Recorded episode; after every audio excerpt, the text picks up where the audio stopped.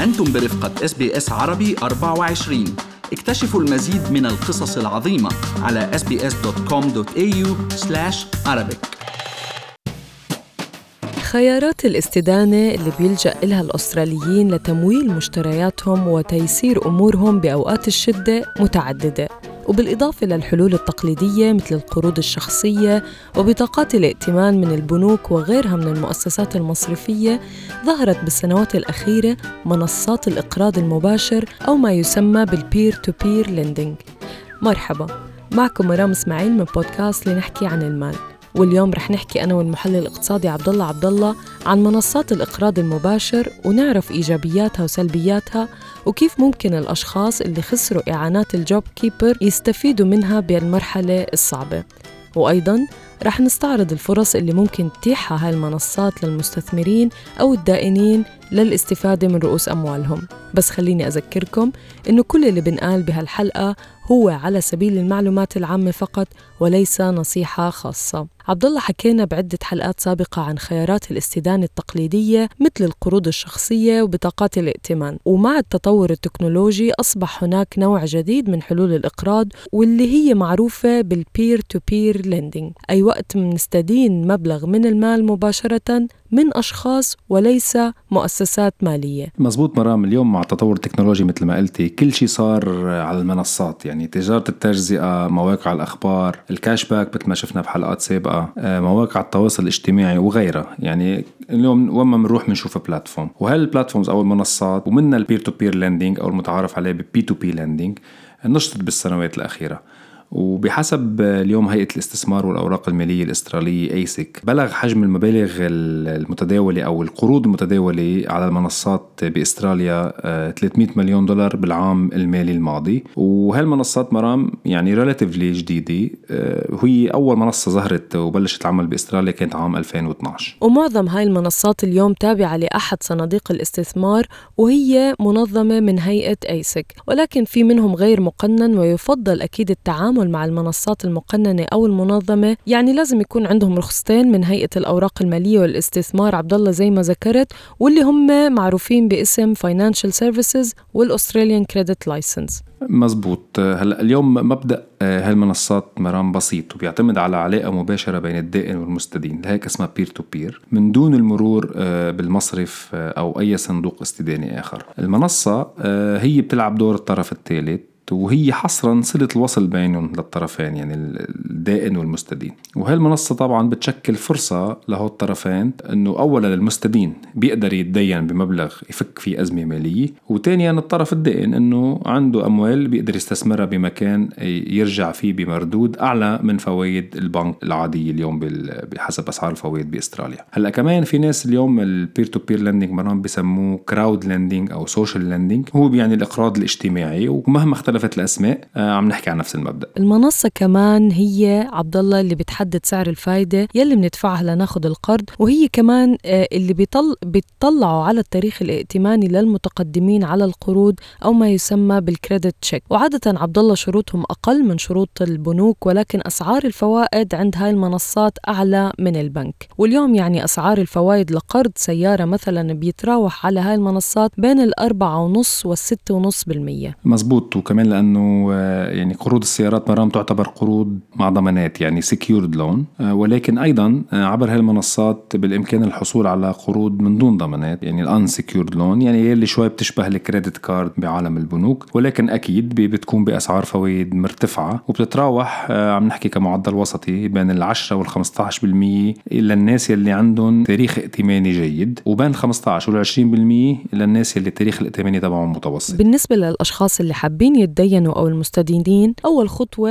الواحد ممكن يعملها بعد التأكد من إنه المنصة مرخصة من ASIC إنه نخلق حساب أو أو نفتح حساب على الموقع الإلكتروني للمنصة. ومطلوب أكيد إثبات الهوية ومكان السكن وتقرير التاريخ الائتماني الشخصي واللي ممكن الحصول عليه مجانا من أحد الهيئات المختصة في إتاحته مثل illion و Experian و Equifax هلأ هالمعلومات مطلوبة اليوم مرام بإطار شيء بيقول لك pre-qualification لمقدم الطلب. آه، بالامكان اليوم مثل ما قلتي نفتح حساب إلكتروني مع عدة منصات بنفس الوقت. ونطلع على القروض يلي بيقدموها آه، وشروطها وتكلفتها يعني ال interest rate التكاليف الأخرى واختيار دائما الأنسب لوضعنا. فتح الحساب الإلكتروني اليوم هو أمر مجاني وما بيعني نحن إذا فتحنا حساب عند هذه المنصات إنه بالضرورة يعني بنكون عم نقدم على القرض ولكن من الأمور اللي لازم ننتبه لها عند البحث عن هاي المنصات إنه المنصات مثل البنوك بتفرض رسوم معينة على المستدين مثل رسم عند استلام القرض أو رسوم التأخر بالدفع رسوم سنوية أو شهرية وغيرهم. ومثل أي منتج مالي بأستراليا يجب على المنصات إنها تقدم لنا product disclosure statement ويلي بيوضح كل الشروط وسعر الفائده والرسوم اللي علينا. ودائما نحن بهالحالات هيدي نطلع مرام على ال comparison rate ويلي بيعطينا صورة كاملة عن التكلفة الحقيقية للقرض ومش بس ال interest rate ويعني مثلا مثل ما بيعملوا البنوك اليوم المنصات بتعلن عن قروض بأسعار فوائد يمكن تكون منخفضة ولكن بتفرض رسوم أعلى من غيرها. لهيك اليوم ال comparison rate ويلي بالمناسبة يعني مجبرين كل الشركات الخدمات المالية المقرضة إنهم يعلنوه بطريقة إنه يتمكن المستهلك يقارن بين هالمنتجات المالية مثل القروض على تنوعها وتعدد أشكالها بشكل واضح ويكون مثل ما بنقول apple to apple comparison يعني يقدر يقارن بطريقة موضوعية وياخذ ياخذ قرار على الاساس هلا عبد الله بخصوص المستثمرين اليوم يلي معهم مبالغ مالية بإمكانهم يستثمروا بهاي المنصات بدل ما يوضعوا أموالهم بالبنك وخاصة إنه مردود الفوائد منها أعلى من حساب التوفير بالبنك. مزبوط اليوم بإمكان المستثمر يختار كيف بده يوظف أمواله عبر هاي المنصات. يعني في عدة خيارات. يا أما بمول قرض معين يعني بتكون علاقته مباشرة عبر المنصة مع آه، مستدين معين. يا أما بمول سله من القروض آه، مجتمعة. وكمان بيقدر يختار أنواع القروض إن كان secure loan أو unsecure loan وبيقدر يختار سعر الفوائد يلي عرضتهم المنصة. لأنه مثل ما قلتي اليوم المنصة هي بتحدد سعر الفايدة على أي اللي بتشتغل على أساسها. وهو بيكون بينقي اللون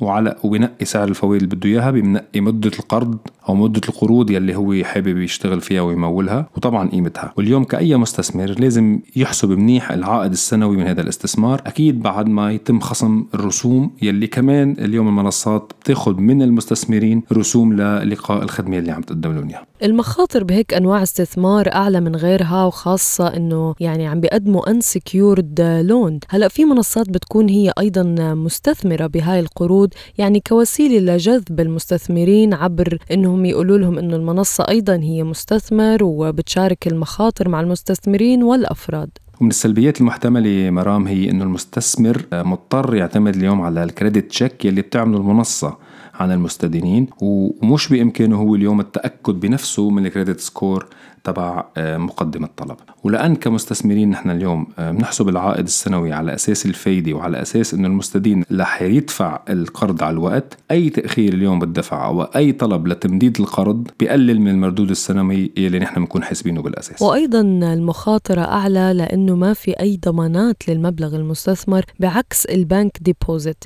ويلي بتكون مضمونة من الحكومة الأسترالية لحد مبلغ ال 250 ألف دولار. وكمان لازم نحن ننتبه كمستثمرين على شروط التعويض والجهة المخولة بالتعويض في حال مثلا صار خطأ معين ارتكبته المنصة أو أي خرق أمني بالمعلومات. اليوم نحن عم نحكي عن عن منصات أونلاين مرام معرضة للخرق بأي وقت. وأيضا في مخاطر إفلاس المنصات أو توقفها عن العمل بشكل نهائي. هلأ اليوم في بعض المنصات بيكون عندهم صندوق احتياط لتعويض المستثمرين لكن بحالة الإفلاس اليوم هاي المبالغ ما بتكون كافية للتعويض على الجميع. ومثل المستدين كمان لازم المستثمر ينتبه على الرسوم والنسبة يلي بتاخدها المنصات وكمان يشوف عدة خيارات تسمح له بالاستفادة بأكبر شكل ممكن من العائد من هذا الاستثمار. مزبوط مرام يعني فعلا آه، مثل ما شفنا اليوم هاي المنصات ممكن تشكل فرصة لأي حدا اليوم بأزمة مالية ممكن ياخد قرض بطريقة أسرع وأسهل من البنوك وكمان المستثمرين يقدروا يوصفوا مصرياتهم بعوائد أعلى. ونحن اليوم مرام حكينا عن الموضوع يعني فعلا بشكل مالي تقني بحت وبيبقى أنه المستمعين يقيموا وضعهم الخاص وياخذوا بعين الاعتبار اعتبارات تانية يمكن اجتماعية دينية وغيرها قبل الخوض بتفاصيل الاستدانة والدين والاستثمار بهيك منصات. أكيد عبد الله وأنا بشاركك هاي الملاحظات أيضا وفي مستثمرين بيقدموا على هاي الاستثمارات من منطلق مساعدة الآخرين يلي بيكونوا بحاجة لمبلغ من المال بشكل سريع كون العلاقة هي علاقة شبه مباشرة بين الدائن والمستدين. خليكم معنا مستمعينا ببودكاست لنحكي عن المال لنواكب كل المستجدات المالية والعملية يلي بتهم حياتنا في أستراليا.